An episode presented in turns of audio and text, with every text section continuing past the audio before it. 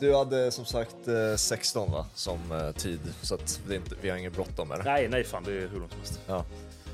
Eh, Ja, så här någonting. Hej, hej, hej.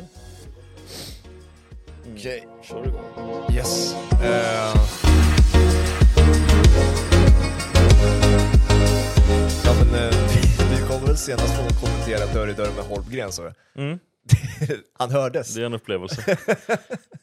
Han är väldigt härlig Niklas Holmgren faktiskt. Hur, många, hur, många, hur mycket lager var det emellan som ändå hördes? Det var tre dörrar plus att jag, jag hade ju matchen på Ja. Newcastle uh, Nottingham. Ja. Och han uh, satt ju liksom 10 meter och tre dörrar ifrån. Så Ja. jag kunde kolla på den utan att ha ljudet i mina lurar. Så det var ju alltid något. Ja, det är, du, du närmar väl nu tusen matcher va? Ja, precis. 900 drygt är det väl. Eller är det det? Ja, Någonting sånt. det är sjukt. 900 matcher. Ja, det är väldigt mycket alltså. Men Tusen matcher, det, ja, det får ju firas på något sätt i alla fall. Ja, se hur det blir med det. Men det, när, det, när det nås upp i det, det kan ju gå snabbt. Ja, exakt. Jag, vi ska ju summera året är ju tanken och jag, jag kommer på mig själv när jag går igenom dina tweets och sånt där att jag påminner ibland mig själv hur jag ska på något sätt undvika den här fotbollspoddsbåten, den här klassiska som du la ut. hur jag, ska, jag försöker alltid påminna Mm. Men mig du själv undvika. inte, du är inte en del av det tycker inte jag. Nej, det är ju skönt. Jag konsumerar det ibland och du är väldigt duktig på det du gör och du har inte alls det. Okej, det är Det skönt som ligger över eller det som ligger över sånt där. Eh, Var det topplocket som gick någon gång när, eh, när du tryckte ut den där? För den var ju jävligt uppskattad och många som kände igen den där. Ja, Alltså, vi vi jag- kommer lägga in den här någonstans nu när vi pratar om så folk fattar vad jag menar. Ja, men sanslöst. Jag tycker Gusten sa det väldigt bra i Tutto. Ja, vi är inte många kvar i Kane-båten nu alltså. Jag tror Häcken blir ruggigt farliga i år. Agenter har lite för stor makt i svensk fotboll. Då har de en ny anfallare från turkmenska ligan klar. Ja, han har bra namn i alla fall. Ja, riktigt bra namn alltså. Nu ska vi inte dra några växlar av kuppen, men de ser jävligt bra ut. Men apropå kuppen där, alltså jag tycker vilket lyft det har blivit det här nya upplägget nu som de har kört i 11 år. Jag tycker det är svårt med sportchef alltså, för att det är så här, det är en svår position att rekrytera ifrån. Det är så här, hur blir man sportchef? Men man gillar ju Axén. Älskar Axén. Uh, lyssna på Nivas podd igår. Och då hade du 16 timmar över eller? Och då var det ändå kortversionen. Grejen var att jag, jag kände ju att de som känner sig träffade Ja. kommer liksom... De kommer känna att det här handlar om mig. Ja. Då kommer jag dela den för att visa att haha, jag kan skämta om mig själv, jag är lite Ja. självödmjuk sådär. Och så kommer det vara de som inte gillar dem. Mhm. Och de kommer samlas och dela allt det här. Och precis så blev det. ja, exakt. Och eh, sen var det lustiga då att det skriver ju folk privat som utåt sett uppskattar, liksom, det är ju inte bara några stycken utan det är ju liksom hela, jag lyssnade på någon, någon ny podd för bara några år sedan. Eh, på jag försöker, försöker konsumera lite nya grejer bara för att liksom, ja, men hänga med vilka, vilka gör någon grej sådär. Ja. Och alla låter exakt samma sak, utom du. Ja. Låter på exakt samma sätt. Det är samma snack och det är samma uttryck och det är något alldeles otroligt alltså vad de låter samma. Så jag, det var därför jag fick idén. Ja. Eh, så det är ganska många som åsyftas.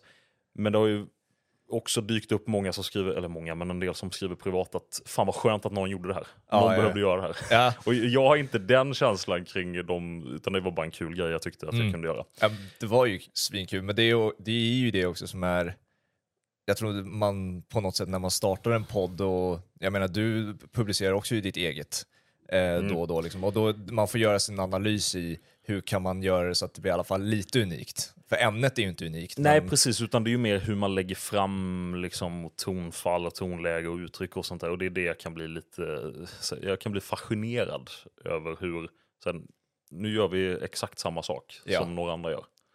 Exakt. Eh, och då ger det, för mig ger det ingenting. Fina kulan. Ja. Allt det Ja, där. precis. ja, men det var, och det, det, det, jag konsumerar inte lika mycket idag, men innan gjorde jag det ganska mycket. Ja. Eh, och jag upplever väl att det inte har förändrats så mycket. Nej, så jag, jag är beredd att hålla med.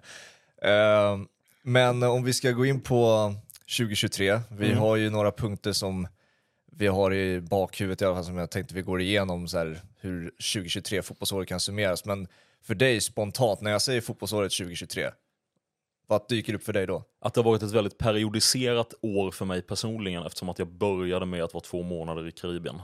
Just det, ja, det var du. Och det var precis efter att ligorna drog igång efter VM.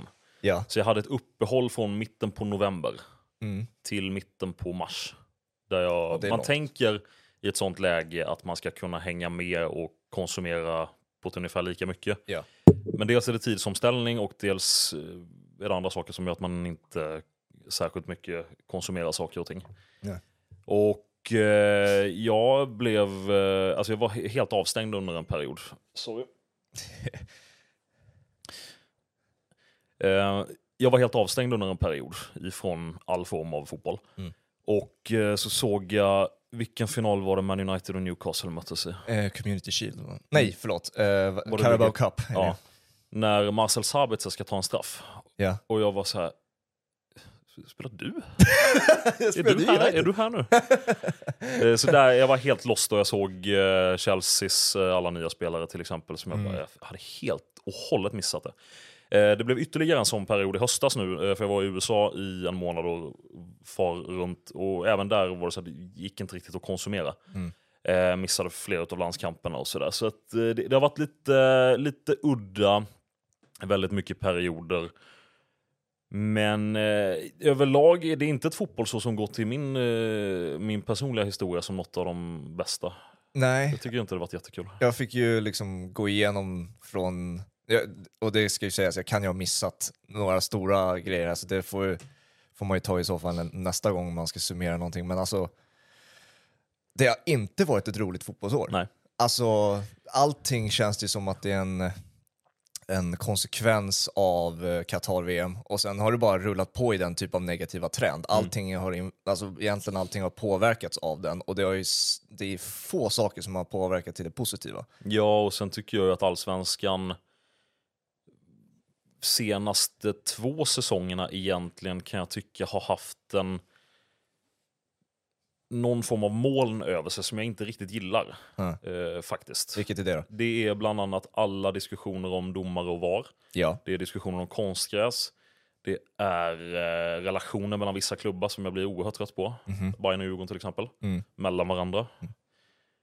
Och lite också det här med 51%-regeln, ska vi bryta upp den eller inte? Det händer ingenting riktigt, utan antingen liksom, det, det, bara, det bara mals på i samma takt. Ja. Jag har följt Allsvenskan i snart 25 år och diskussionen om konstgräs, vi har kommit noll steg framåt. ja, i det. verkligen. Det enda som har skett är att konstgräsplanerna har blivit lite bättre.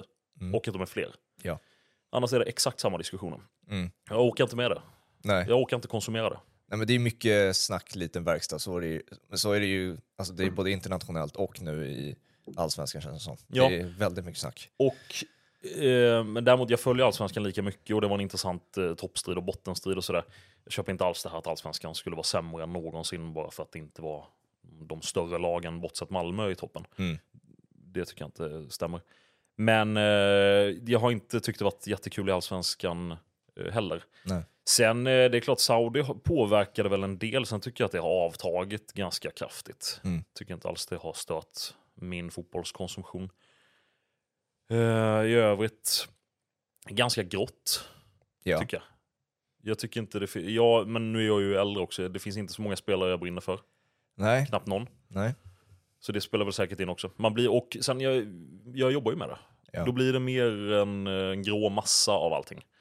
Och det mesta är egentligen likadant som det var tidigare, fast på ett sätt ändå helt annorlunda. Det Ja. var konstigt sagt. Men, Men alltså jag håller med, jag brinner ju knappt för någon särskild individ längre eh, heller. Alltså det, det går ju runt, cirkulerar ju klipp på sociala medier som man på något sätt håller med om att förut så kändes fotbollen lite vackrare ba- baserat på de individuella spelarna som spelade. mm, Eh, både och.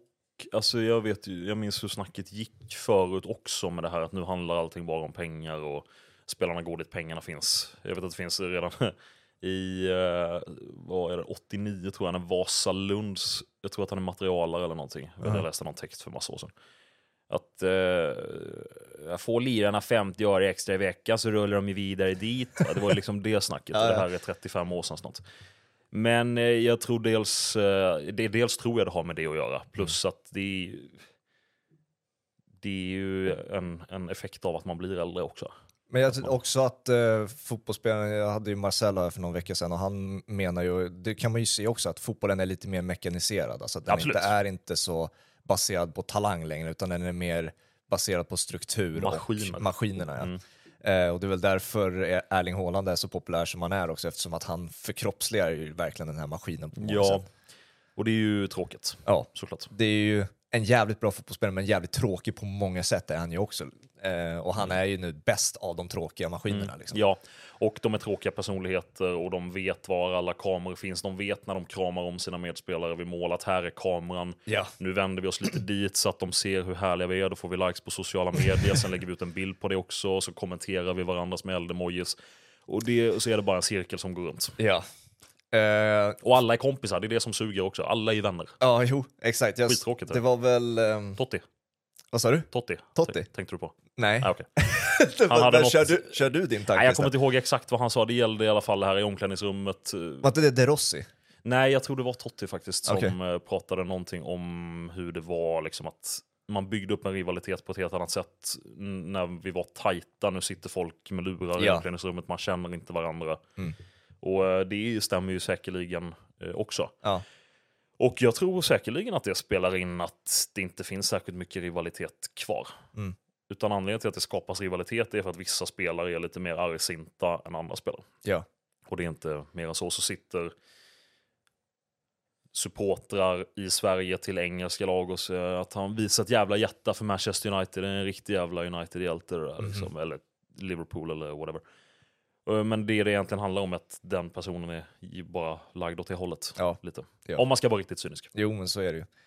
Eh, den första punkten som jag har är ju att det här var året 2023 då spelschemat kom ikapp spelarna. Att eh, det är, känns som att det är fler skador än någonsin. Ja. Eh, och att det verkligen tog effekt nu efter Qatar-VM. Och det är väl på något sätt en konsekvens av covid och sånt där och att schemat tajtades till. Men det blir ju bara fler och fler matcher. Och det kommer bli ännu fler om ett och ett halvt år när det är klubblags-VM. Ja, När de går från två matcher till eventuellt sju. Mm. Och det är en längre period och det är, ska spelas i USA eh, vet jag och då är det tidsomställning. Och med allt vad det innebär då behöver du vara där tidigare för att vänja kroppen och allt sånt där. Så, men det minns jag vi pratade om du och jag senast också att Mm. det, det jag tycker ju heller, om man bortser från det fysiska, att spelare blir slitna och att de inte mår bra, så är det ju inte kul heller. För det blir för mycket matcher som ingen bryr sig om. Kan Ja. jag känna. Eh, teorin av just de här nissarna, Fiorentino Perez och sånt där, är ju att ju fler El Clasico vi får, desto bättre. Liksom. Mm. Eh, Men spela det varje vecka då. Ja, Kör en turnering mellan Real och Barca, 90 matcher. Ja. Se vem som vinner flest. Mm. Om det nu är det man vill ha. ja. Se hur Eh. intresset påverkas efter det. Ja, och se hur stämningen är på arenorna. Ja, exakt. Ja, Och det ska man inte underskatta. Alltså. Det, Nej, nej, nej. Det, jag tycker det ger en enorm effekt eh, när det är så fruktansvärt dåligt tryck som det är på vissa matcher, framförallt i Premier League senaste tiden. Ja. Jag drog fram en lista bara på skador som har tagits fram 2023, de stora namnen i alla fall. Och de flesta av de här är knän, Mm. eh, korsbandsskador och sånt där, men det finns ju några baksidor och sånt också. Det är Timber i Arsenal, Buendia i Aston Villa, Mings i Aston Villa, Solly March, Aaron Ramsey, Fofana, Nkonku, Ducoré, Thiago, Matip, Kevin De Bruyne, Perisic, Gavi, Courtois, Alaba, Militao, Neymar och sen finns det säkert fler också, men det var bara några stycken som jag hittade. Och alla de här är ganska, eller alla, men det är ju inte bara att det är stora spelare eller små spelare eller en viss typ av spelare. Nej. Utan det är ju alla. Allihopa, olika typer. Och det, många har ju sett ut, det är inte någon som går sönder på någon träning heller, utan det är oftast den här typen av, den som man, tydligaste var ju Gavi liksom. Det är en, bara en enkel nedtagning som ska göras och hans knä bara viker sig, för hans, den orkar inte längre liksom. Och det ihop med att de ska spela så mycket längre matcher, alltså slå ut eh, det. Ja. På Boxing Day så körde jag Sheffield Luton, det var inte en skada i hela matchen. Mm. Åtta minuter la de till i andra halvlek, helt, alltså bytena absolut. Men de lägger till åtta minuter för det. Mm. Och alltså, åtta minuter plus sju minuter plus kanske ännu mer ibland. Vi är upp mellan 15 och 20 minuter varje match. Ja. Slå ut det på ett år för de här ja, det är spelarna. helt galet mycket mer matcher. När de Alltså, redan är jätteslitna och så ska det in med ännu fler matcher som har ännu mer tilläggstid. Mm. Och, och eh, det är klart att det spelar in. Ja. Ja, det är ju så här vad... För nu, det, du sa klubb-VM, men det är också det klassiska VM, fot- fotbolls-VM kommer ju också öka i antal matcher. Det ska ju vara över 100 matcher nästa fotbolls-VM som Jag ska måste spelas. dåligt av att tänka på vad VM håller på att bli. VM har alltid varit superkorrupt, det ska vi vara tydliga med. jo, jo, det har absolut. varit korrupta rövhål som har styrt det där i hundra år snart. Men det det börjar bli nu är alltså, Alltså, det är här, det är inte roligt längre. nej, och det är så här, var, var, var det kommer sluta Vilken någonstans. positiv inledning på det här avsnittet Fabian. jag, vet, jag inledde med att säga att det är fan inte mycket positivt att Nej, är hitta från 2023. Jag tycker inte heller. Eh, och, och vi kommer säkert hitta några ljusglimtar här och där också. Svenska Men, landslaget för herrar. Det var min och- nästa punkt. Ja, exakt. Ja, usch, ja. Så att det, nej, vi, nej vi, vi hoppar till den. Eh, och jag ty tycker vi kan ta bara, bara för att se, det- se resultatraden framför oss så vi ser hur jävla dåligt det har gått. ja. Vi har eh, eh, januari-turnén där, den kan vi ignorera för den bryr sig ingen om. Och sen har vi ju bara resten av matcherna 2023 framför oss här nu då. Eh, och eh, ja, det är inte, inte kul det man läser. Eh, Det undrar ju jag då, för många som har följt herrlandslaget hade ju, nu hade ju du ledighet och sånt där också då, men många gav upp på vägen, många orkade hela vägen in. Hur såg ditt tålamod ut då, när du valde att följa landslaget och sånt där? Jag skulle säga Polen-playoffet. Gav du upp efter det? Nej, men då kände jag att nu, nu är det faktiskt dags. Att det är för att Jan, Jan att ja. försvinna. Ja. Eh, och jag kände direkt när det här kvalet, eh, jag såg inte matchen mot Belgien för jag jobbade då kommer jag ihåg. Mm. Med någonting annat. Men då, alla var liksom, det var in, folk var inte arga generellt utan det var bara så uppgivet. Ja. Jag brukar inte tröttna så mycket på landslaget för att det är samma spelare och de är tråkiga och det är, alltså vad, de, vad nu folk tycker. Utan Mm. Jag tycker så att landslag ska vara tråkigt. Det är, vi minns inte matcherna för att matcherna var bra. Nej, Vi nej. minns medaljer och vi minns framgångar Ja. och goda resultat i turneringar. Men det, där kände jag att så här, nu, det, det någonting håller på att gå förlorat nu i att folk faktiskt börjar tappa tron och all form av intresse, vilket man kan se på vissa publiksiffror. Eh, 11 000 till exempel här i november mot Estland. Mm. Betydelselös match, men liksom 11 000. Ja, Kom igen. det var deppigt. Det, Och eh, allt vad det innebär. Så att, men efter Polen-matchen då, då tappade jag liksom inspiration och energi för landslaget. Den hade väl försvunnit lite redan innan. Dels för laget och eh, Qatar-VM, men även att jag tyckte att Jan började tappade sen ganska länge. Eller sen, jag, vad ska vi säga, ett halvår innan dess ungefär.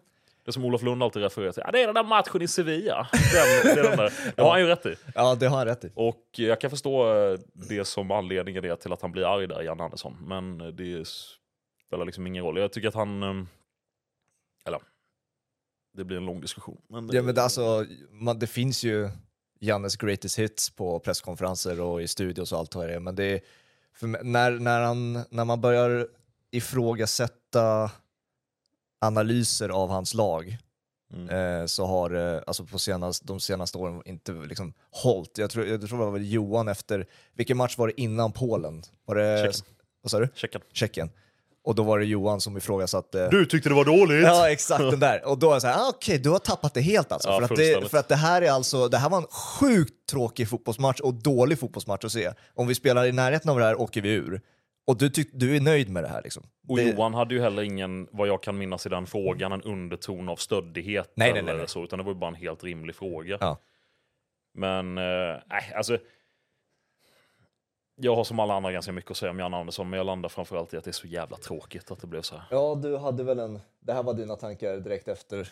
Ehm, och det är väl så de flesta försöker se på det nu, att försöka tänka på det hur det var innan det allt gick åt helvete egentligen. Att vi ska försöka landa och landa där någonstans. Där var jag i Söderkråkor på norra Island och såg det där, för jag kunde inte se matcherna. Så, tänkte, så såg jag de bilderna och bara, fan det är tråkigt alltså. Ja. Det är synd.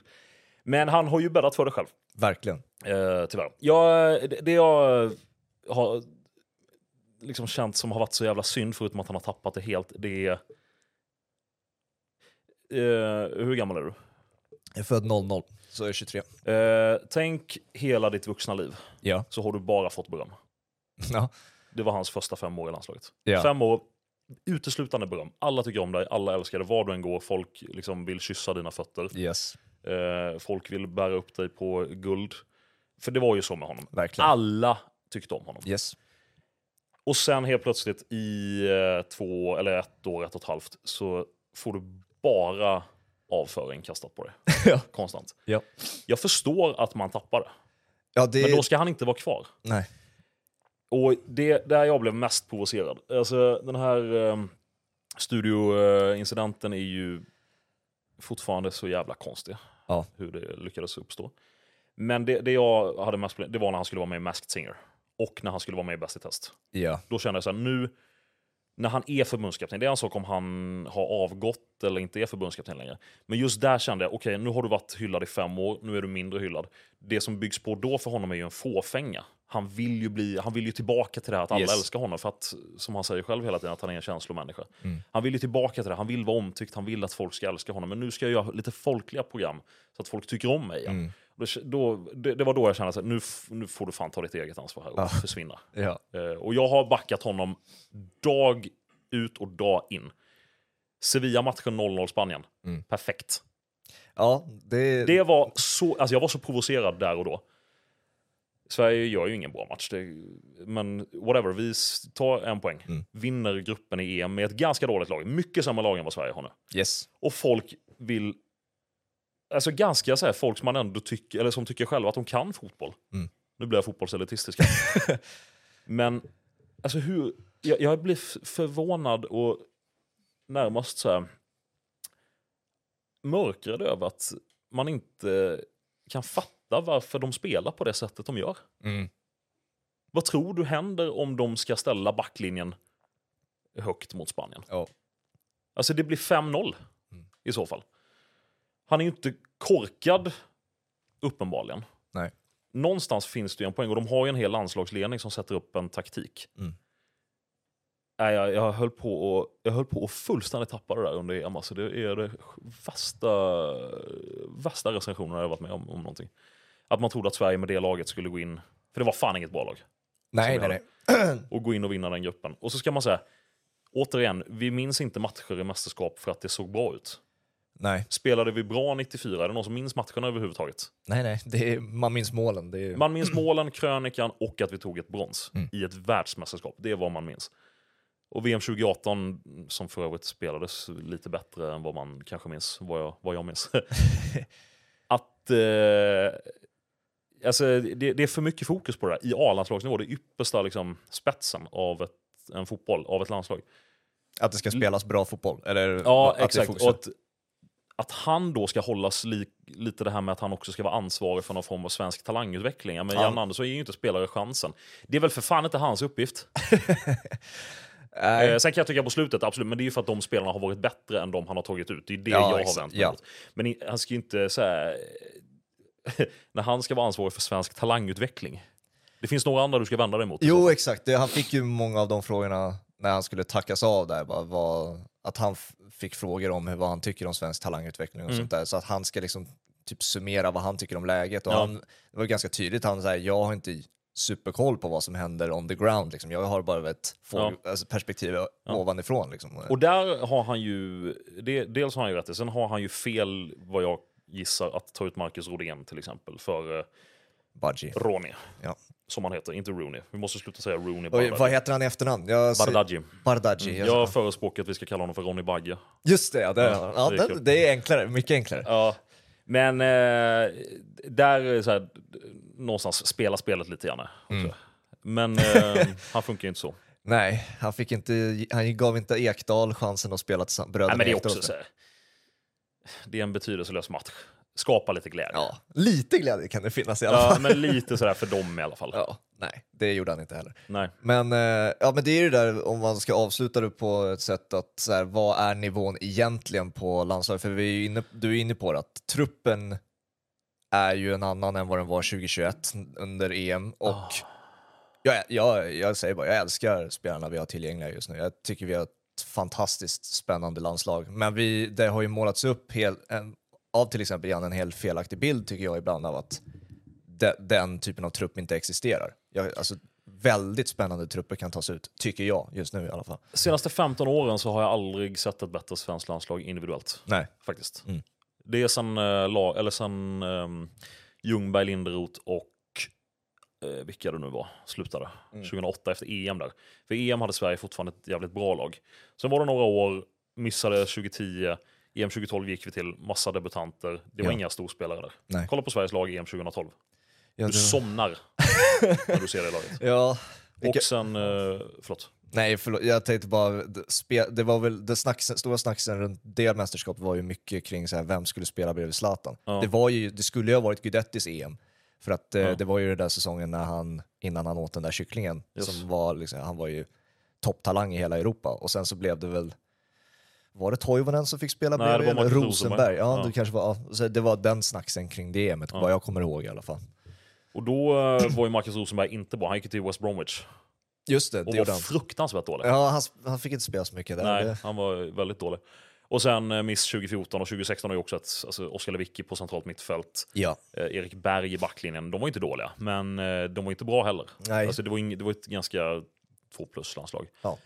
Och då titta på, för jag gjorde en liten titt på eh, truppen VM 2018, vilka klubbar de tillhörde och vilka säsonger de hade bakom sig. Mm. Att jämföra det med de spelarna som finns tillgängliga nu är ju jättestor skillnad. Ja. Så, och då är det ju bara återigen konstatera som alla vet och som alla har konstaterat att han är fel man, Janne, Mm. för det här. Och det är jättebra att han försvinner nu. Men eh, för någon, någon människa med fotbollskompetens måste kunna göra någonting bra av det råmaterial som finns. För det har alltid snackats under min livstid om det här att svenska spelare, de, de får inte spela till det stora ligor och de får inte spela i Ja. Champions League var ju Hamrens käpphäst att vi har inga spelare i Champions League och så Nej. har vi Oscar Wendt men jag vill inte ta ut honom. Jag, liksom, eh, och så vidare. Exakt. Eh, Och eh, nu finns det ju, alltså jag ser svenskarna i Premier League i de lite sämre lagen relativt ofta. Anthony Elanga är bra. Oh ja. Jag tyckte att han kändes väldigt så här, stereotyp brittisk ytter slash forward. Mm. Som Morgan Gibbs White. Mm. Jätte, jättebra på att springa. Kan springa fem dagar i sträck. Ja. Max löpa. Men det händer inte så mycket. Mm. Alltså, Elanga är ju mycket bättre än vad han är. Ja. Till exempel. Tycker jag. Och det finns en spets. Han har lite bristande spelförståelse kanske. Men det finns en spets och han har lite avslutskompetens och sådär. Gyökeres. Eller Göikeres som Jan Andersson säger. Mm. Alltså, han är ju jätte, Otro- jättebra. Otrolig. Och eh, Kulusevski och Alexander Isak och eh, ja, men nu har han ju Jesper varit anonym, Karlsson. Jesper Karlsson. Nu har han ju varit anonym, men det finns ju någonting där. Och plus att så här, det finns ju ett centralt mittfält. Alltså Jens Guillou spelar i Napoli. Ja. Mattias Svanberg spelar i Wolfsburg. Ja. Eh, nu ringer min pappa. Och eh, sen finns Hugo Larsson i Frankfurt. Ja. Och eh, sen finns det- det finns liksom centrala mittfältare också som är ganska bra. Alltså jag tror fortfarande att Williot Svedberg är, han fyller 20 nästa år. Mm. Jag tror fortfarande att det finns någonting oerhört intressant där. Ja. Eh, Bergvall såklart intressant, eh, Badaji absolut. Men det finns ju inga backar. Det är ju, och det är ju ett stort problem. Mm. För det gör det ju inte, alltså... Det var ju också så olycklig timing när Jan Andersson skulle gå upp och spela någon offensiv fotboll. Och så gör han det med Edvin Kurtulus och Hjalmar Ekdal. Och på bänken sitter Ayham Oso och Pavle Vagic ja. som reserver. Yes. Och det är klart att då går det ju inte. Det var en deppig samling rakt igenom. Ja, det var helt fruktansvärt. Hjalmar Ekdal är bra, han spelar i Premier League Ja. och är liksom tredje, fjärde valare i Burnley. Som ett dåligt lag, men still though, han spelar i Premier League. Mm. Eh, Så där finns det ju någonting. Men eh, sen är det ju ett problem att jag ser ju inga yngre som är särskilt framstående i Allsvenskan. Nej, inte som kommer igenom nu, men det är ju om man vill ge Starfelt, Hien och sen Lindelöf på det och sen alltså, det är, om man tycker att det är tillräckligt bra att fortsätta. Jag fattar inte Kalle Starfelt riktigt. Jag tycker han är bra. Ja, jag tycker han är... Han var bra i Celtic när jag såg honom ett par gånger. Det jag har sett av, i Celta är han bra också. Så, Jag fattar inte det, för han, han borde kunna ha väldigt mycket egenskaper, ja. tycker jag. Ja. Eh, Isak Hien, lite fladdrigare kanske, men där finns ju någonting. Om man tycker att det är tunt på en högerback, sätt ut en Hien på högerbacken då och testa. Mm.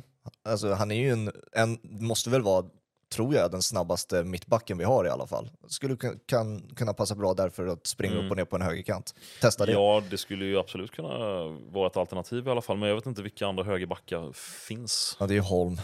Eh, Ja, han är ju i och för sig ganska bra. Alltså nu när man drar upp namnen, ja, det är ganska spännande. Ja.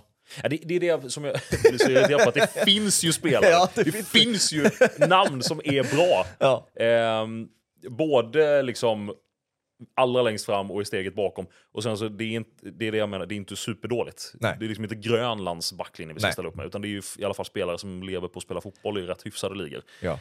Och Robin Olsen som är fantastisk, alltid. Eh, och bakom där finns Victor Johansson som jag håller väldigt högt. Mm. Och Leopold Wahlstedt som jag aldrig har sett, men han ska tydligen vara bra. Men eh, så att, att man inte kan få mer ut av det här. Ja, det. Plus Forsberg, som, eh, men han är ju inte dålig. Nej, han är ju väldigt bra fortfarande. Eh, Kommer väl gå ner för nu i, när han ska testa på MLS då, men det, Ja, ja. absolut. Men, Men, det eh, var en tråkig övergång bara det, men det...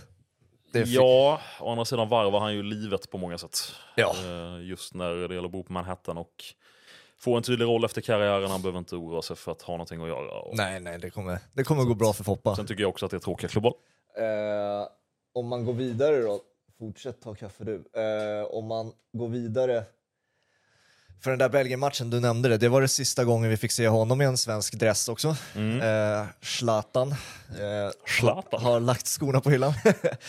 eh, vad, om man ska säga det så här då, många hade väl en, ett tillfälle, eller en period där man kände nu är det fan dags.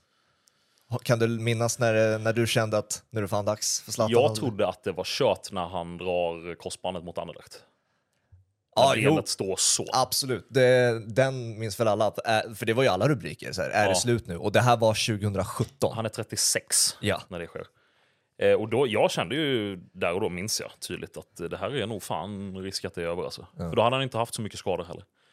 Eh, men eh, alltså, tyvärr är det väl så att för min del har han ju fejdats ut mycket av det han har gjort vid sidan av. Mm. Eh, att eh, han har blivit någonting som man märkligt nog har blivit mer och mer nollställd kring. Man blir aldrig nollställd kring den här mannen. Och inte ens nära, men mer och mer att det liksom är så här, ja, vad gör han nu då? Ja. Tyvärr, det är jättesynd tycker jag. Eh, att man ska känna så. Eh, jag är oerhört glad att vi aldrig kommer se honom i Allsvenskan. Ja, det var skönt att Ehm. inte fick... eh, Jag hade tyckt att jag hade inte sett någonting positivt med det. nej. Om det inte hade varit så att han hade gett fan i att ta sig in i AIG och äga andelar i Hammarby IF AB. Mhm. Om han hade undvikit det och avslutat i Malmö något halvår, Ja. då hade jag tyckt det varit väldigt läckert. Ja. Men eh, det är det som är problemet, att nu är han ju inte uppskattad, eller han är inte älskad någonstans i Sverige. Nej. Och det, det kan störa mig lite att han hade någonting. För att Malmö-supporter har ju varit lite sådär, vad jag kan bedöma, att man har man har haft lite problem med Zlatan, han har haft, liksom sett med det här med Hasseborg, att han, Ja. ja. historien som folk känner till. Eh, Men att man ändå har känt att det är fan vår kille alltså. Mm. Och så gör han en sån där grej, med just Hammarby också.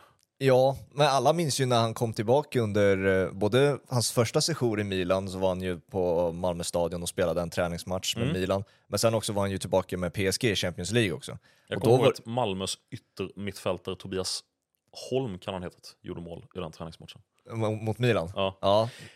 Alltså, men då, var, då var det ju verkligen mycket kärlek Ja, och någonting jag spyr på så här i efterhand är ju när han går in på SM-guldet 2017 va? Eh, På eh, Mm. Eleda, eller Just det. ja.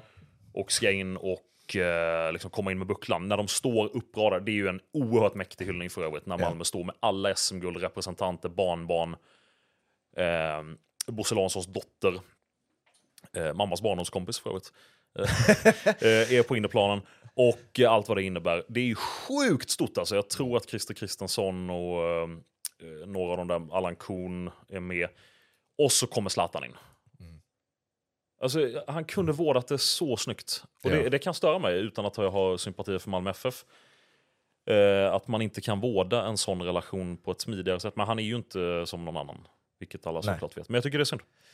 Vad tyckte du om avtackningen då? För att den var ju Det var väl helt okej.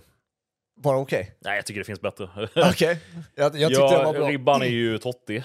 Ja, jo. Eh, och där kommer det ju inte riktigt upp. Men däremot var det ju uppenbart hur tagen han var. Ja. Där, det, där kunde han ju inte liksom hålla någon mask eller... Utan där insåg ju han att nu är det, nu är det fan över alltså. Mm. Och det, det var ju lite speciellt. Men det, det är klart att den var mäktig, jag ska inte säga att den var helt okej. Men eh, jag, jag kände också att du borde ha gjort det här tidigare. Ja, jo. Men Eh. det var ju det som var ursprungsfrågan lite så här. Ja. Att det, det var ju så många, många hade en period eller ett alltså en match eller om det var en till skada som man tyckte på, nej men nu, får, nu är det fan dags liksom. Han gör ju ett mål som blir bortdömt för offside i sista matchen mot Sassuolo förra säsongen. Ja, och då hade han en korsbandsskada För när han gjorde det. Ja, exakt. Och det, hade han fått göra det målet så eh, hade det varit en Ja. bättre avslutning. Ja, För det är också så här, han har inte spelat så mycket, men han har ju ett jävla fint målsnitt Mm. i Milan. Mm. Så han har ju bidragit, förutom att han också har tagit laget. Kommer du ihåg första matchen han spelade när han var tillbaka? ja alla, eller alla som eh, var intresserade av den perioden minns ju den Var det typ Lecce eller Udinese eller något sånt där? Sampdoria tror jag det var. Var det så pass? Eh, och det var, Eh, Men eh, Suso ja, spelar ju typ ytter och Ja. slår x antal inlägg som är, med sin Alltså- obefintliga högerfot. alltså, som är så dåliga så att det, liksom inte, det går inte att göra så här. Om man försöker. Och, eh, och han står där inne och bara, uh, okej. Vad fan har jag kommit? Vad är det här för någonting? Och sen så är han ändå med och vänder det med ett par andra såklart. Men eh, det hade ju varit också ett, ett legacy. Ja, Nu återigen, så här, den här sista säsongen det fejdas lite Mm. ut. Tyvärr alltså. ja. Eh, för min egen del i alla fall. Inte för att det gör honom någonting, men... Uh, jag, jag har följt hans karriär mindre och mindre genom åren. Jag eh, kan väl säga att efter PSG egentligen. Jag såg honom inte så mycket i Man United. Nej, okej. Det var väldigt roligt att följa, kommer jag ihåg. Ja, Just det jag där vet United. inte varför jag inte... Det var Mourinho, det var Pogba var ny och allt. Ja, alltså, det var en jättespännande period med United. Jag började kommentera då, så jag var, såg väldigt lite Premier League under ett par år. För jag jobbade inte med Premier League. då. Nej. Och det är väl kanske det. Men eh, sen Galaxy är ju en parentes. Eh, och sen, jag tittar inte så mycket på Serie A. Eh, jag har tittat på honom, men inte så mycket annat. Nej. Eh, men som sagt, jag är mest glad att han aldrig spelade i Allsvenskan. Mm. Eh, på ålderns höst, för det hade varit... Jag vet inte, Ja, han, är, han är för stor. Alltså. Ja, ja, ja. Men jag brukar inte gilla att prata så om folk, att man är för stor för någonting. Men han är, Han är för han är allt. alldeles för stor Absolut. för all form av liksom, inhemsk svensk, fotboll. Ja, och han tillhör ju nu också, en, om man eh, får det till ett 2023-perspektiv, att han tillhör ju en rad spelare nu som har lagt eh, skorna på hyllan det här året. Det är, en, det är en drös. Det är Zlatan, det är Özil, det är David Silva, det är Buffon, det är Bale, det är Hazard, Hamsik, Chiellini, Adebayor. Mm, det ju. Eh, det är den listan som jag kunde hitta på namn. Ja. Någon som gör något lite extra utöver Zlatan på den listan? Nej, alltså jag... Inte direkt. Fotbollsspelare kommer och går. Ja. Eh, Jag, jag kommer ihåg att jag tyckte det var tråkigt. Eh, Totti och Zanetti. Mm. Vet jag, för då kände jag någonstans att nu, nu dör någonting. Mm. Eh, men att, att Giorgio Chiellini lägger av 39 år gammal, det, Nej. det tycker jag inte är något. Nej, det är inte samma typ av Nej. spelare. Att Adebayor lägger av, det... Trodde man han hade gjort nästan. Ja, exakt. Nej, det gör väl inte så mycket. David Silva, han, där, han la jag av på grund av en korsbandsskada om man ska, Ja. dra, om man ska dra det Ja, till det var en tråkig avslutning Ja. däremot. Det är absolut. Men han, var också, han har ju också liksom fejdats bort för Ja. mig genom några år. Eh, tyvärr. Mm. Eller tyvärr, det är ju logiskt. Ja, och det fortsätter ju på, vi har nämnt eh, Saudi, men det är liksom, har ju blivit liksom en stor rubrik av att de spelarna som har dominerat världsfotbollen i de senaste tio åren har alla 2023 lämnat eh, toppeuropeisk fotboll eller europeisk fotboll överhuvudtaget. Och det kommer ju påverka på ett sätt, eh, alltså vad ska man säga, eh, topp europeisk fotboll och eh, möjligen nivån, möjligen eh, intresset för det. Eh, det vet jag inte, det får, får man ju se. Alltså vad man... Det, det, gör, det gör ju någonting att Ronaldo, Messi, Neymar inte är en del av Champions League till exempel. Mm. Ja, det gör det absolut. Men eh, jag vet, alltså, intresset tror jag ändå kommer vara så pass starkt generellt. Oavsett vilk, om de allra, allra liksom, största profilerna, största namnen inte är där. Mm. Ja, men jag tänker att dels så finns det ju ingen som tycker om att vara i Saudiarabien för att man tycker om Saudiarabien av de här. Och sen så tror jag också det här med att det, det är inget drag, får de några kickar? Den funderar jag på. Mm. Det här med det är ju inte så jävla mycket folk på många av matcherna. Var det Henderson som spelade inför 930 pass eller något sånt där? Det var ju Hendersons lag. Som, Ja, precis. Det var ju sån jävla Ja. deppig bild. Ja, precis. Och sen så tror jag också så här, de tjänar ju extrema pengar. Men de tjänar ju inte så lite pengar i Europa heller. Och nej. får publicitet, eh, vara med i de tyngsta turneringarna på den största scenen. Mm. Kanske någonstans också överväger eftersom att de ändå har pengarna. Det verkar ju som att trycken, lagen som verkar ha hyfsad god stämning är ju de där topp tre-lagen. Mm. Al-Nassr, Ronaldos lag, Ja. eh, Benzemas och Kantés lag som jag glömt namnet på nu. Nej, det, Nej, är, det är. Neymars lag. Ja.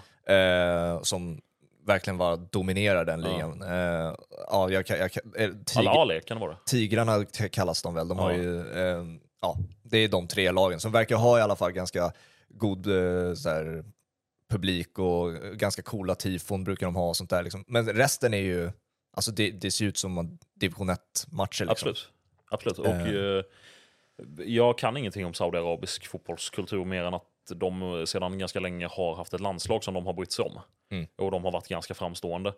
Men ehm, jag vet inte. Jag, jag tycker att så här, de lämnar, absolut, men då kommer de bästa spelarna i Europa är någonstans ändå kvar, förutom ett par stycken. Mm. Och sen är det några som är snäppet under och någon, några som är snäppet under det. Och sen kommer det ju nya. Det hämtas in spelare till Europa från Brasilien, från eh, eh, Frankrike, från Belgien, från Italien, från Spanien. De hämtas in, de hamnar i Europa till slut ändå. Det blir Ja. bara en liksom ett... Varför tappar jag ordet? Hamsterhjul höll jag på att säga, Ja, men men det var alltså- något annat. Kretslopp, liksom. Att Ja. det, det kommer bara nya spelare. Men det här är ju också, för mig, eh, om vi går in på min ålder igen, gör ju det liksom, det här är ju den första gången jag upplever liksom att de, den absoluta världseliten är på väg att ta slut. Du, du som är några år äldre än mig har ju liksom upplevt den, eh, om vi säger kretsloppet redan, att du har sett, sett de här komma fram liksom och sett de stora avsluta sina karriärer och sånt där. Jag kommer ihåg eh, Cristiano Ronaldo oerhört väl i EM 2004. Mm. Eh, extremt, extremt väl kommer jag ihåg honom. Och ehm, en annan grej jag tänker med det här, jag har ju sett, jag kommer ihåg jätteväl när Kina satsade. Ja, statligt. 2014-15 var ju det. Ja, Alex Teixeira spelandes i Shakhtar. Ja. Jätteduktig spelare. Skulle ju till Liverpool. Skulle till. Liverpool. Tackade nej för att gå till Jiangsu, Mm. tror de hette. Och eh, då, då var jag verkligen så här, för att när Kina satsar på statlig nivå Ja. med allt, alla pengar de kan liksom uppbringa till det, då kände jag här kan det fan hända någonting. Mhm. För i Kina finns det också städer som är ganska nice att bo i. Alltså bor du i Shanghai eller Peking, då kan du ha ett ganska Mm. trevligt liv. Eh, men det har ju fullständigt försvunnit. Mm. Indien var ju en B-satsning bara, det var ett skämt. Ja. Och eh, USA... alltså det här med att USA har någonting på gång liksom, intressemässigt för fotboll. ja, det har ju snackats om. Alltså det har snackats om det i sen liksom kosmos. Ja, Messi kommer inte ändra på det heller. Liksom, att, att Jag såg satsningen- tre stycken fotbollströjor, alltså soccer, när jag var i USA i en Mhm. månad. Vi var i 15 städer. Okej, Tre gånger såg vi, det var Messi, Inter Miami varje gång. okej.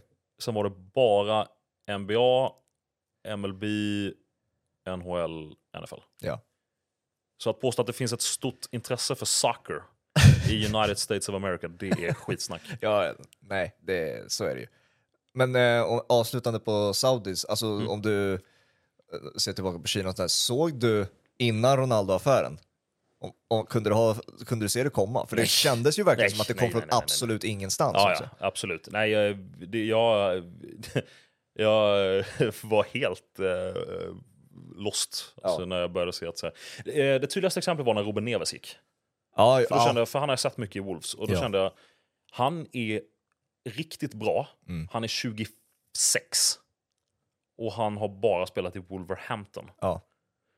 Att han går, det är ett problem. ja. Om sådana spelare börjar gå. Mm. Eh, men nu är det inte så många som har gått. Och han vill ju redan tillbaka till Europa och Neymar vantrivs och, och så vidare. Han är på en båt just nu. Eh, Ja, har jag sett, har jag Ja. följt på sociala medier. Det är Neymar-kryssningen som går. Ja. Eh, han har ju sina aktiviteter när han är skadad, så just nu är det en Neymar-kryssning Ja, för de som, för de som inte ser.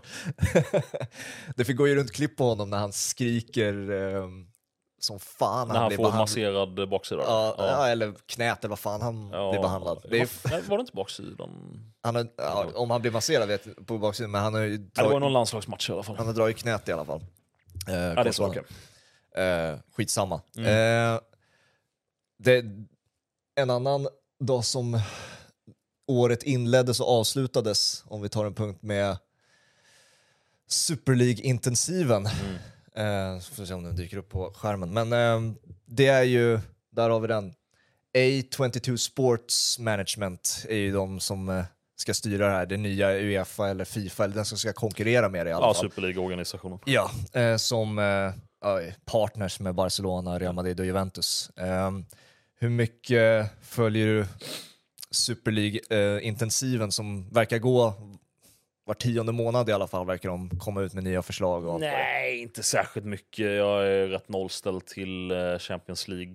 Tar du det på allvar? Alltså att, Ja, det gör jag väl, men jag tror inte jag kommer gråta blod över att eh, om det skulle bli så här istället för Champions League.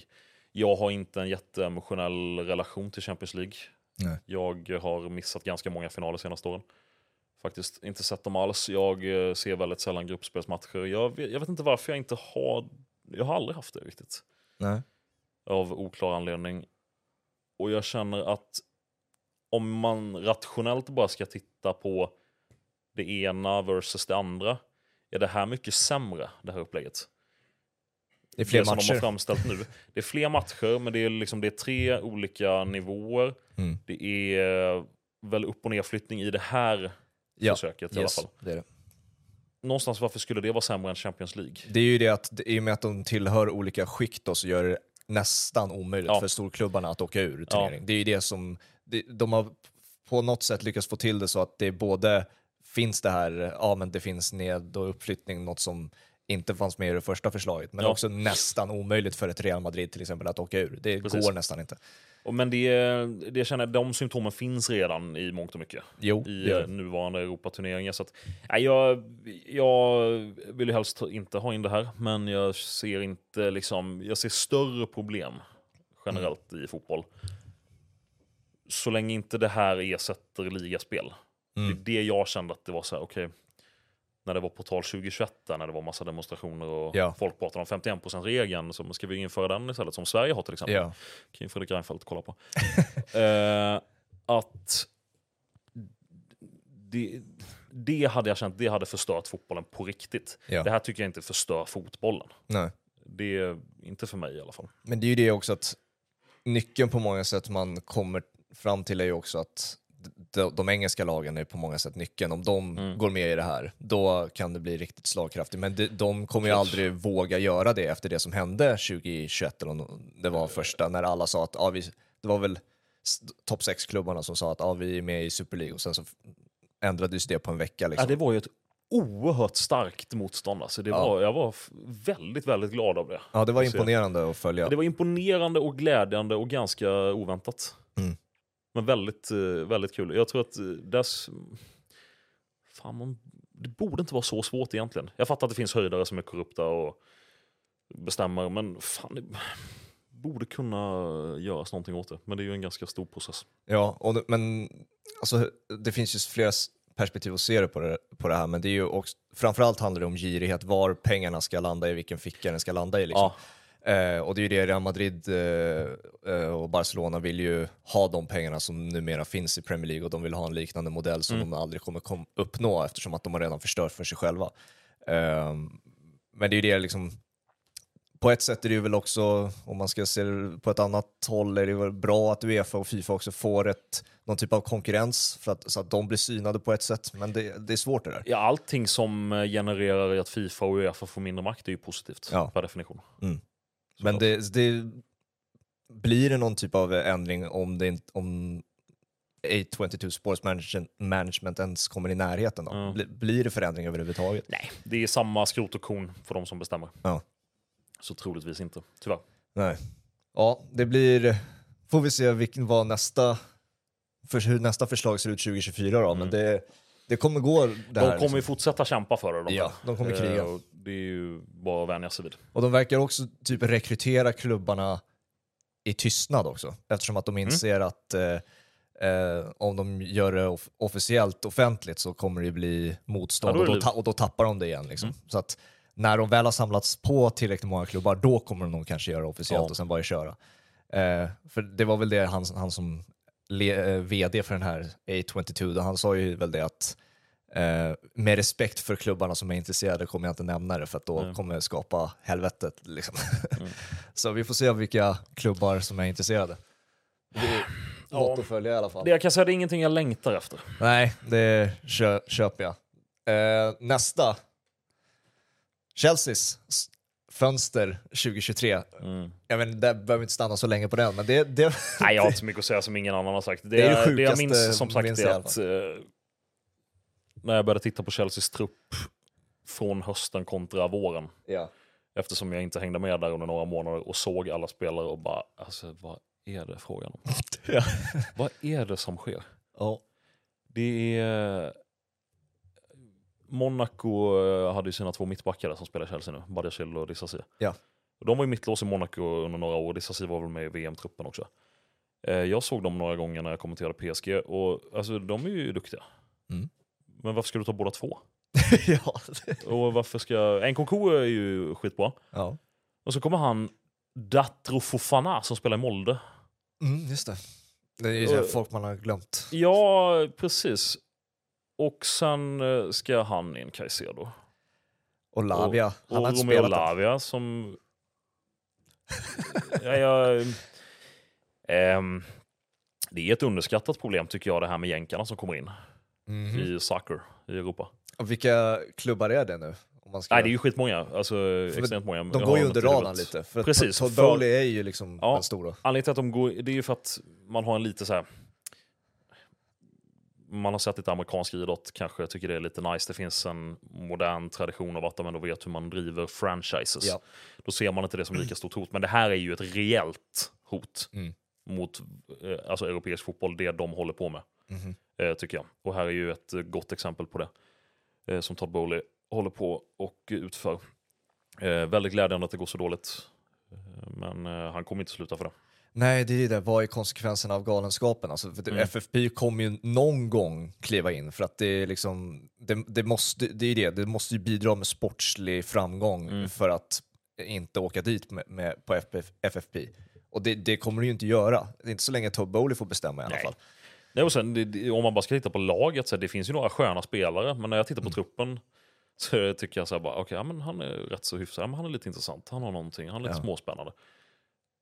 Och sen bara tar det slut. Det är så här, var, är, var är de som ska göra det i det här laget? Ja. För det, det, är så här, det är bara en det är bara en massa av spretiga spelare som har någonting. Mm. Men de är inte liksom fulländade riktigt. Jag tycker synd om Thiago Silva. Det är den enda Ja, liksom, etablerade ja, världsspelaren liksom, Ja. som är på väg att ta slut. Han, har ju, han orkar ju fan Hur gammal är han? Han är 39 va? Ja, det här är hans sista år på kontraktet. Han ska väl hem till Brasilien eller efter den här säsongen. Liksom. Han, det här är hans sista säsong.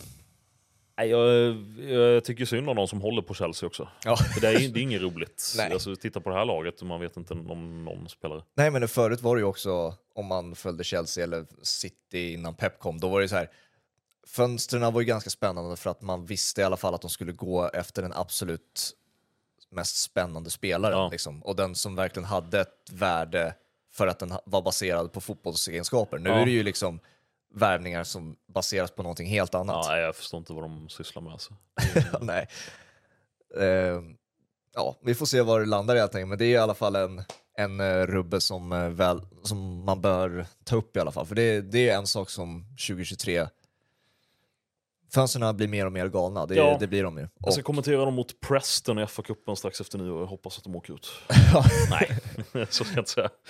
eh, den här är ju, så man inte heller komma från det här är så jävla- tragiskt. Det här är tragiskt på riktigt, Det här av många är anledningar. riktigt... ehm, för det här är en spelare jag tyckte så himla mycket om att se. Ja, jag med. Alltså, under, under många år. Paul Pogba är ju en spelare som...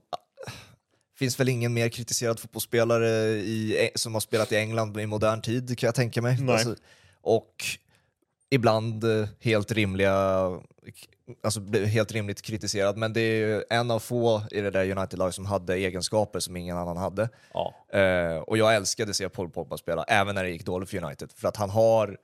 Alltså det, om man har sett Paul Pogba live till exempel, då, och man verkligen ser hur han spelar, det är Ja. så här, han gör saker som ingen annan kan göra, på, eh, få i alla fall kan göra. Fan, Jag minns inte om jag såg honom, han, om han var med i Frankrike mot Sverige 2017 i Jo, så fall. det var den, den matchen det, jag tänker okej, på. Han var med i den matchen. Ja, men eh, jag, det, det som störningsmomentet för många har varit med honom det är ju det här poserande, Ja. att han eh, tänker på hur han går framför kameror, vilken kamera han ska le till, Mhm. att han eh, skriver sponsrade hashtags på sociala medier när han ska hylla sin pappa som avled för några år sedan. Ja. Det kommer jag ihåg och det, det reagerade jag på. Att det är Ja, det är nu, konstigt. är det lite väl. Mhm. Det här är lite väl. Eh, och sen att han byter frisyrer och att han ser nonchalant ut och sådär. Ja. Sen har det funnits lite i hur han har spelat också, absolut. Jag får inte riktigt grepp om honom, vi är lika gamla. Och eh, jag kommer ihåg när han var ung i Man United och sen gick till Juventus. Ja. Och jag, jag följde honom och Lukaku för att de var så tidiga. Ja. Eh, och så Connor Wickham i Ipswich, eh, som också var oerhört lovande. Ja. Som ingen har sett röken av sen dess. Nej. Och eh, ja, jag gillade honom tidigt av den anledningen. Och sen VM 2018 är han ju fantastisk. Ja. Och att då är han 25, nu är han 30. Och det är ju... Alltså, det- och hämtar han sig från det här, det är... Nej, det kommer inte. Nej men det är kommer så här, vad... Säg att han, det, fyra år i maxstraffet, kanske blir två. Vad händer efter två år liksom? Ja, men de är jävligt hårda med sånt här också. Alltså när det dopas i fotboll, det är inte småstraff. Men Onana, fick han, när han eh, åkte dit, fick han maxstraff? Jag tror inte det. Nej, nej, det var ju mycket mindre. Ja. Men här... ehm, eh, jag är lekmannabedömning gissar att fyra års avstängning är nog inte särskilt orimligt för honom. Nej, nej. Det, Plus att han har inte varit bra på ganska länge heller. Och sen är han... Han har haft sina skador och andra saker med sin bror och sånt där. Ja, herregud. Alltså. Eh, som är ju tragiskt på alla sätt också. Ja, men det, det, Ja. det var ju min lekmannateori att det är på grund av skadorna det här hände. För att han, Ja, att han gick, behöver kompensera. ja, han, behövde, Ja. Alltså, han gick ju sönder på bara han nuddade en fotboll Ja. till slut. Och han behövde ju någonting att liksom verkligen repa sin baksida tror jag har varit, som har varit- problemet. Och så här, fick ett dåligt tips av någon läkare som Juventus inte hade med i läkarstaben och tog då för mycket testosteron eller vad det var. Ska man vara fördomsfull och lita på läkare, så en kille som dopar sig för att, som har varit skadad Ja. med någonting som en väldigt ansedd läkare, kommer inte ihåg exakt vad det var för titel och sådär, Ehm, eller någon dop, eh, dopningsexpert menar jag, som sa att det här får du inte i dig av misstag. Nej. Han dessutom spelar i Juventus, Ja. om man ska vara riktigt fördomsfull. Mm. Eh, försök övertyga dig och mig om att det är en tillfällighet. Ja, Det är klart inte. Nej. Så att eh, nej, jag, det, jag kan inte tänka mig att jag någonsin kommer se honom spela fotboll på någon vettig nivå efter det. Nej. Och det, om, Paul Pogba är den spelaren som jag tänkte att han skulle spela den typen av fotboll i den typen av miljö som det vi ser Jude Bellingham gör nu. Mm. Det var liksom den, Ja, han har ju allt. ja det var det jag såg när han väl skulle, ska man säga, vuxna till sig lite både i huvud och spelmässigt. Då är det, så här, det är Ja. det vi, Jude Bellingham visar nu. Och det är, det är också en 2023-parentes i och för sig, Jude Bellingham, men det är den nivån som jag trodde han skulle landa på. Ja, på. men han är så estetiskt vacker när han spelar fotboll. också. Man, man ser ju Pogba. ja. Man ser honom alltid. Det finns några sådana spelare, som Haaland såklart, är ju en annan sån. Men när man ser att det här finns ingen annan. Nej. Du skulle kunna se skuggor av alla spelare Ja. på en radar. Mm. Så ser du att det är Pogba som spelar. Och det apropå det här med, som vi pratade om i början, att fotbollsspelare är maskiner och det är mekaniska Ja. liksom, robotar. Eh, han är ju inte det, som, han är inte lik de andra. Nej. Och det är det jag tycker, det är också synd med Mm. en sån spelare. Ja. Eh, avslutningsvis, som vi är inne på, eh, skulle du säga att Jude Bellingham är världens bästa fotbollsspelare just nu? Ja, alltså, han ligger väl bra till. Ja. Eh, en av mina favorittweets från dig, det är väl eh, den här, an- nej förlåt, den har vi redan sett. Eh, Den där är jävligt bra också. Alltså. har jag missat? Eh, nej, där. Din tweet om, ja det måste ju ha varit när Ballon d'Or skulle delas ut. Nej, det där var faktiskt allsvenska stora priset. Allsvenska stora Ja ah, pris. fan det är det ja, det är i november där ja. Ja, Ja, det, det där är helt sjukt. att, Varför är det relevant vem Jonas Dahlqvist tycker har varit allsvenskans bästa unga vänsterback? ja. Nej, Eller det, någon annan. Varför Nej, det- blir man upprörd på det? ja, men det, det, var det jag tänkte, kom, alltså, Och det, är, det du har rätt i att det är samma med Ballon d'Or. Ja, att det, var, det var därför jag trodde att det handlade om Ballon d'Or bara när jag gick igenom dina tweets. Att det är så här, Ehm, Messi är utsedd till världens bästa fotbollsspelare igen, hade jag som en punkt också, på något sätt. Ehm, vet inte riktigt hur. Jag tror Fotbollskanalen gick ut med en, ehm, med en lista, jag tror han inte ens var topp 10 eh, enligt Fotbollskanalens lista. Ehm, och att det är väl inte Messi som blev utsedd till världens bä- bästa fotbollsspelare som intresserar mig, men snarare typ relaterat till den här tweeten, att det är så här, vad har hänt med eh, eh, individuella priser? Eh, sett till hur, hur viktigt det är för så många, men också hur lite innebörd det verkar ha nu också. Jag har ju, det här är inget poserande, utan jag har väldigt länge tyckt att individuella priser i allmänhet kring lagsporter är alltså, komplett ointressant. Mm. Fullständigt ointressant. Var det det också när Ballon d'Or till exempel hoppade mellan spelare hela tiden? Inte under Messi Ja, Ronaldo jag, jag tyckte det. Alltså, Pavel Nedved vinner ju 2004 eller 2003, Mm. när Henri är bäst i världen. Ja, exakt. Eh, och eh, jag tycker inte det är så spännande heller. Alltså, fotboll är en lagsport för Mm. mig. Och jag, jag känner ingenting över vem som utses till något. Om du vinner skytteligan, men då kan du ju ta på. Då har du ju en statistik, Ja. då har du en hård fakta. Det här vad folk tycker, eller en specifik jury, vem som vinner Guldbollen till exempel. Mm. Men kom igen. Var, varför ska man recensera, eller varför ska man överhuvudtaget bry sig om det? Mm. Eh, känner jag. Men eh, det är väl eh, som Frallan skriver där nere, att folk blir upprörda på allt nu för tiden. Det kanske är så. Ja. Vi har inte varit så glada heller i det här avsnittet. Nej, jag ber om ursäkt för det. Nej, jag bidrar nog eh, själv också. I alla fall, jag tycker att det här med att utse individuella spelare är mycket, mycket, mycket ointressant Ja. i alla dess former. Och det är samma Allsvenska stora pris. Du har Allsvenska stora pris som Discovery kör. Sen har du den här fotbolls, eh, som inte är fotbollsgalan i år utan det är någonting annat. Eller som är partner med Aftonbladet. nu. Ja, jag kommer inte ihåg exakt vad det är. Men det är också, då ska det utses någonting. Ja. Det har ju med landslagsnivå att göra, men fortfarande. Mm. Det är en massa priser. Så jag, jag, vann, jag vann den här utmärkelsen som en jury som jag inte vet vilka som satt i. Ja, nej. Det är ingen fråga jag brinner för det här, men jag bara reagerade just det till. Jag, Jag kommer inte ihåg vem det var. Om det var, om det var att Hugo Larsson inte vann eller, eller om det var att Nahir Besara inte var nominerad. ja. Det är helt sjukt, men varför bry sig? Ja, nej, det, är, det är väl, eh, men vill man inte att folk ska bry sig då? Det är, det är väl det. Så att, eh, Nej, men inte om det här, Okej, tycker jag. Om fotboll allmänhet, absolut, men inte, inte sånt här. nej, det är svårt det där med fotbollstyckande, vad man, vad, eh, vad man ska lägga energi på. Och jag eh, ska nog rekommendera att inte lyssna på mig i sånt, för att jag har konsumerat det här så pass mycket i så många år, så jag har gått varvet runt. F- Ja, liksom när du säger åsikt. sånt här, är det fotboll Eller generellt? fotboll eller? generellt och Ja. fotbollstyckande, och Ja. vad ska man tycka? Och, eh, man landar till slut, om man har den inställningen så landar man till slut i att ingen är bra och Ja. ingenting är relevant. Nej, Varför finns vi? Ja. Det blir där grejer istället. Finns det någon eh, positiv grej att ta upp 2023? Jo, men det är alltså det mest, eller, För det var mina punkter. våra ungdomslandslag är ju oerhört dåliga. Vad sa du? Våra ungdomslandslag är fruktansvärt dåliga. Okej. Eh, Ja. Det har jag sett många gånger. Ja. nu i år kommenterar mycket ungdomslandskamper. De vill jag inte hacka på, men jag kan, kan bara nämna att det är inte jättebra. Nej. Ehm, jag, tycker allsvenskan, jag, jag är väldigt glad att allsvenskan hade över 10 000 åskådare i snitt Ja. per match. Mm. Kan säkerligen öka nästa år när guys kommer upp. Mm. Jag eh, är glad över... Vad ska vi hitta som är bra med fotbollen, Fabian? 2023. Eh, jag var på Rose Bowl i, sommar, eller i höstas där Sverige tog VM-brons. Eh, nej, men ehm, eh, alltså, det, generellt det rullar ju på all fotboll. Alltså, man blir ju ganska cynisk, man letar fel för att man har allting. Ja. Eh, givetvis. Jag, eh, jag känner väl inte, apropå allsvenskan, just att det, det är inte en trend som kommer hålla i sig. Det är inte så att allsvenskan är på väg ner Nej, intressemässigt, varken för mig eller för någon annan. Så där finns det ju säkerligen mycket. Jag tror att det kan bli en mycket intressant säsong 2024 på många sätt. Ja. Ehm, Men eh, det, just i år var det, det var inte särskilt spännande, Nej. tyckte jag. Var... Eh, Damerna tog VM-broms. Där har vi det. Ja men det har de gjort tidigare.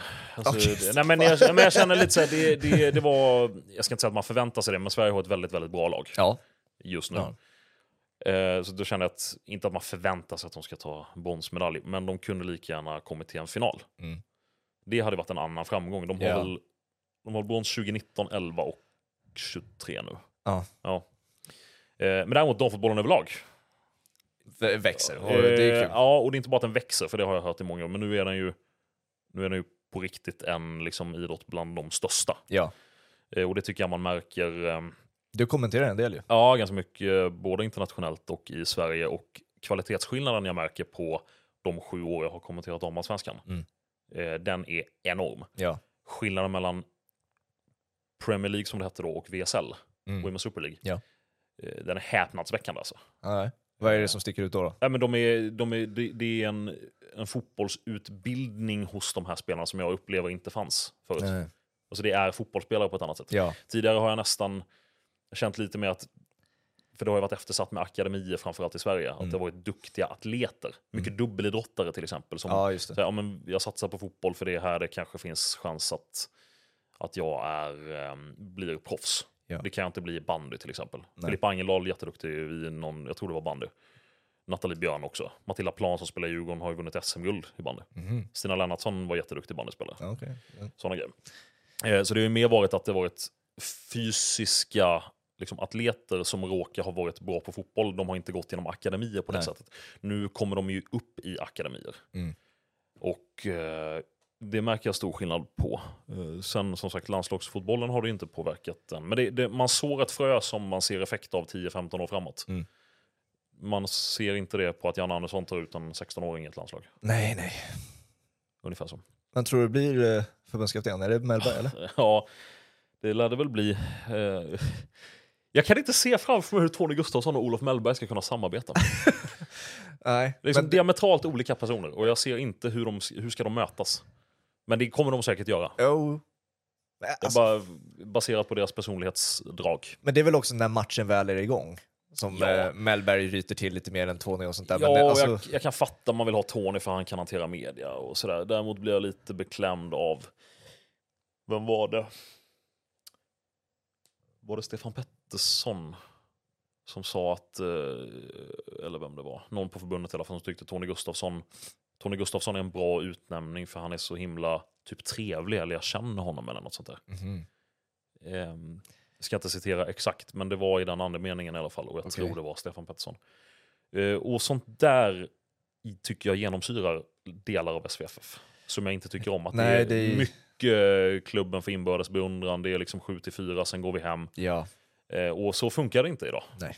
Om du ska driva ett fotbollsförbund. Särskilt om du vill göra det med någon form av framgång. Eh, och den eh, bristande ambitionen tycker jag tyvärr är största anledningen till att vi är där vi är. Från Mm. förbundshåll. ja. Eh, det Ta blir- Håkan Sjöstrands citat om att Jan Andersson ska ha livstidskontrakt. Ja, just det. Var det 2023? Nej, det nej, kanske nej det var väl så. 21 tror jag. Men, eh, ja. Det gick ju bra. ja, det var ju efter det han började tappa det Ja. Men det är med andra saker också. Det här med ungdomslandslagen.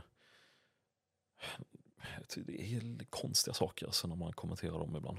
Från förbundet, inte från spelarna utan från förbundet. Att, Vissa spelare inte ska intervjuas för man vill skydda vissa spelare så de inte känner för mycket press. ungdomsspelare? Alltså, Alltså U21? 17-åringar. Ja, nej, nej, 17, nej. 17-åringar. Okej. 16-17-åringar. Och jag här, visst, det är barn vi har att göra med. Mm. Men de är ju landets bästa. Och nu- Ja, de ska ju Ska ta de- sig igenom den här... Och det, är, jag, det, här, det här är inte att de har liksom som eh, en spelare som var långvarig i Allsvenskan som slutade göra intervjuer för att han hade talfel. Som upp, så bad att jag vill inte göra intervjuer. Ja, Men då är det en helt annan sak. Ja. Men det här är ju bara att man har fått för sig att vi ska skydda de här. Mm. Det är en skyddande miljö och det är helt okej. och det värsta var, det var en turnering, Nordisk flick. Det var åtta Okej. lag med. Ett av lagen var Färöarna. Sverige slutade trea. Ja. La ut ett Instagram-inlägg där de skrev vi gjorde det. ja, ja de, de, och då, då känner jag, ni har missuppfattat vad det här går ut på. Men de- de rubrikerna tycker jag ser mer och mer. Alltså bra kämpat, så här, trots förluster och allt det där från... ja, det från, var ju eh, hemskt med damlandslaget. Väl det var ju s- kämpat damlandslag. Just det, ja. Spelarna är proffs. Ja, för fan. De Liksom, är världsstjärnor. Sätt lite nivå på journalistiken, inte kanske... Ja, det är hemskt alltså. Det är lite Hemskt trist. Ja. Eh, och lite, lite det genomsyrar även ungdomslandslaget. Så här, Ja, men, bara vi är med så är det liksom bra. Ja, nej. Det ska vara mycket, jättebra med breddverksamhet. Mm. Men om du är ett landslag, då ska det väl, det är väl elit. ja det Jag har aldrig varit involverad i det här, jag har ingen utbildning, jag har ingen kunskap, jag har aldrig tränat ett lag. Men Nej, men det, det, det är det irriterade ju många liksom att, att eh, kraven ställs ju, men det är så här, man, behö- man kan eh, rubba det på ett annat sätt Det är när helt turneringen är okej slut. att inte vinna. Exakt. Det genomsyrar Ja, SVFF just nu. Exakt. Det är också en tråkig, tråkig del från 2023. Ehm, jag tror inte jag har något mer Nej. från 2023. Jag tror eh, jag har täckt det som jag hade inför i Jag alla funderar fall. på om det är någonting man har missat. Ja. Det är ju det. Har du något Gabbe? Ja, det är ingen, ingen som har pratat om det. AIK, nej. Det måste vara det laget genom alla tider som det har pratats mest om av alla. Alltså, den här säsongen Ja. alltså, koncentrerat enbart på AIK liksom, eller? Ja, För- alltså Ja. jag, jag har... Ja, det har pratats mycket om det. Jag, jag kom hem från Karibien typ tio timmar innan derbyt mellan AIK och Bayern. Ja, då såg jag när Victor Fischer kom in i den matchen. okej. Jimmy Domas var ganska bra. John Guidetti var riktigt bra i den matchen på Tele2 Okej. när Hammarby vann. Ja. Alltså det, det känns som det var åtta år sedan. Ja, jo. Det, det var Victor Fischer spelade fotboll i den här säsongen, som har, eller den här säsongen som precis spelats färdigt liksom. Ja, men när Det han eh, missar den när de möter Kalmar hemma och han skäller ut Victor Andersson. Ja. Det skulle kunna också kunna varit fyra, fem år sedan. det hände. Det är inte ens ett halvår sedan. Nej. Nej, Nej, men ja, det var ett AIK. maraton. Göteborg, Nej, det var helt otroligt. Alltså. Nej, Göteborg och AIK har, det, det har faktiskt, alltså inte kul för de lagen, men det har, varit, det, har intresse, det har gjort det mer intressant i alla fall, Ja. Jag, är, jag känner fortfarande att Hammarby borde skicka x antal eh, blombuketter till både AIK och Göteborg. För, För att de har tagit all uppmärksamhet Ja, på Hammar- ett haveri jo. som de själva inte riktigt är på den nivån, men, men nästan. ja det är mellanår får man väl ändå kalla det på många sätt för Hammarby. Eh, ja. Mellanmjölk, lite tråkigt. ja, väldigt tråkigt. Väldigt tråkigt. Väldigt tråkigt var det. Ja. Eh, Framförallt så hade, hittade de på en egen sport.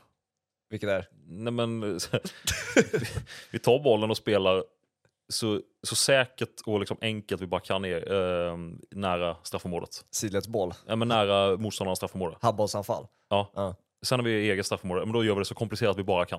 Sätter allt på ett kort, chansar allt vi kan. Ja. Gärna nära mållinjen. Eh, och sen så pratar vi om att vi har kontroll, ja. fast vi inte skapar en målchans. Det var, en, det var ju ett roligt, det var också den här säsongen, eller var- det känns också för typ fem år sedan, den här när, eh, nu tappar jag namnet på Hammarbys målvakt, får den mellan benen och Häcken har ett öppet, eh, ett öppet mål. Ja, när han blandar ihop, eh, Dominia, när han Ja. blandar ihop straffpunkten. Ja, Ja, det var i april. det var i pri- april ja. Ja, ja. det var ett Nej, men roligt. det är... Hammarby kommer säkert tillbaka, men det, det var en väldigt eh, konstig säsong för alla eh, storlagen utom Malmö. Hellberg, blir- Hellberg blir kul. Eh, det kommer bli oerhört intressant att se en tränare som verkar förstå vikten av att få med sig ett tryck på sin hemmaplan. Mm. För det har ju varit den stora bristvaran tycker jag för Hammarby. Att, för att man kan beskylla Hammarby för väldigt mycket saker, men man kan fan inte beskylla Hammarby för att man är feg. Nej, nej, nej. Alltså generellt, historiskt, spelmässigt. Nej. Men det här som har varit historia, alltså det är det, det, är det mest rädd- räddhågsna fotboll jag har sett på många år i allsvenskan faktiskt. Hur går det för Cifuentes i QPR? Jättedåligt. Det gör det? Ja. jag har inte följt Han har fyra någonting. raka matcher. Eh, han fick spela med en man mer i 75 minuter. Eh, 0-0. Mhm. Eh, f- tappade en ledning på stopptid mot ett bottenlag. Tappade till 2-1. 0-37 i XG eller något sånt där. Ja. Torsk mot Southampton. Förlorade till och med bollinnehavet. Och i sista matchen så f- vann han bollinnehavet jättetydligt. Förlorade ganska klart. Okej. Så det, Ja, det sett det. låter som Cifuentes fotboll. en... eh, Ja, jag har träffat honom några gånger. Det är en speciell. Ja, Okej. man. Ja, Kanske den mest reserverade människa jag har träffat i hela mitt liv. okej. Vi fick ett samband. Nej, men jag skulle honom. kommentera deras genrep mot Honka. Då skulle vi ha intervjuer på inneplan. Ja, okej. Och då, eh, så det är en träningsmatch. De har spelat kuppspel, Ja. åkt ut. De ska bara genrepa med liksom, Matte Werners barnbarn var med, gamla legendaren. Ja, Han är 16. Inte ens med i HTFF, det är den nivån ja på okej. laget. Liksom. Ja. Och man försöker alltid småsnacka lite med dem. Liksom. Och de, alla är med på det. Mm. Men han var så här, ja, men, är det bra liksom? Taggad inför premiär? Så, ja, skål. skål. alltså fullständigt ointresserad av att ha någon form av liksom, så här, konversation eller relation. Eller, Ja, så, och det, jag köper det, om man inte vill det. Men eh, det var fascinerande, eller så här, slående. Ja, Eh, så att, det är inte sedan dess jag har lite svårt för honom, utan det är hans fotboll och ja hans sätt att prata bort förluster genom att säga att man hade egentligen kontroll på matchen. Och var Ja, exakt. Bättre och sådär. Ja, men det, kontroll på matcher fast man inte har det, det är, det är någonting man får höra från alla typer av tränare nu också. Ja, och det, apropå Tony Gustafsson, det var ju han först med. Kommer jag ihåg jättetydligt, för 15 år sedan när han var i Hammarby också. Okej. Pratade sig liksom sönder om hur viktigt det var med bollinnehav. Mm. Jo, men det hände ju ingenting. Ljungskile skapar ju fler chanser eh, i den här matchen. Ja. Men ni har flest, mest boll. Mm. Eh, och det är ju någon sådär... Det var ju någon modern tränargrej det här med bollinnehav och det är ju såklart jättebra. Ja. Men det är jätte, jättekonstigt att bollinnehavsprocent ska liksom öka chanserna att vinna. Per definition. Ja. Då kan du ställa dig vid hörnflaggan och spela. Ja, ja, Och det där är jag emot. Jag fattar inte det. Nej. Det Det... handlar ju någonstans om. Va- va- om jag har förstått fotboll rätt. ja, exakt. Ja. Eh, precis. Nej, det... Jag har inte så mycket mer. Alltså. Jag tycker om fotboll vill jag bara säga efter det här avsnittet. Jag vet inte, det, jag tror inte Ja. det framställs så. Vi, vi, det var mycket negativa punkter, men vad fan, det, 2023 har faktiskt varit ett jävligt, som du sa, grått och Ja, tråkigt ganska, år. ganska sterilt och trist. Då. Ja, det har det. 2024 hoppas vi är bättre. Ja, det kommer ett EM utan Sverige. ja, det, alltså, om vi ser till fotbollsmässigt så kan ju det faktiskt påverka Ja, så positivt. jävla fett mästerskap alltså. Kommer du åka dit tror du? Är ändå nära. Eh, eh, nej, det tror jag inte. Har lite andra grejer planerade. Ja. Inte då, men ehm, eh, ska iväg på lite andra ställen. Eh, men eh, däremot så det, jag kommer se fram emot det mästerskapet. Mm. Det kommer bli väldigt kul tror jag. Jag tror jag med. Qatar, eh, inte av några etiska anledningar, utan det var, jag tyckte bara inte det var roligt. Nej. Så att, eh, det här blir kul. Ja, och eh, får vi se när du är tillbaka nästa gång då, men vi kan summera någonting lär vi göra. Om det är årssummering 2024 eller om du kommer tillbaka ställer alltid tidigare. upp. Det är alltid trevligt att vara här. Ja, det är svinkul att ha dig här. Eh, stort tack för att du kom. igen. Mäktiga spelet utan boll. Supermäktiga, fin, Ja. fina spelet utan Ja, boll. verkligen. Nej, det är sanslöst alltså. Ja, det är, tack hörru att du kom. Det är skitkul. Eh, stort tack för att ni har lyssnat också. Vi hörs snart igen. Ciao.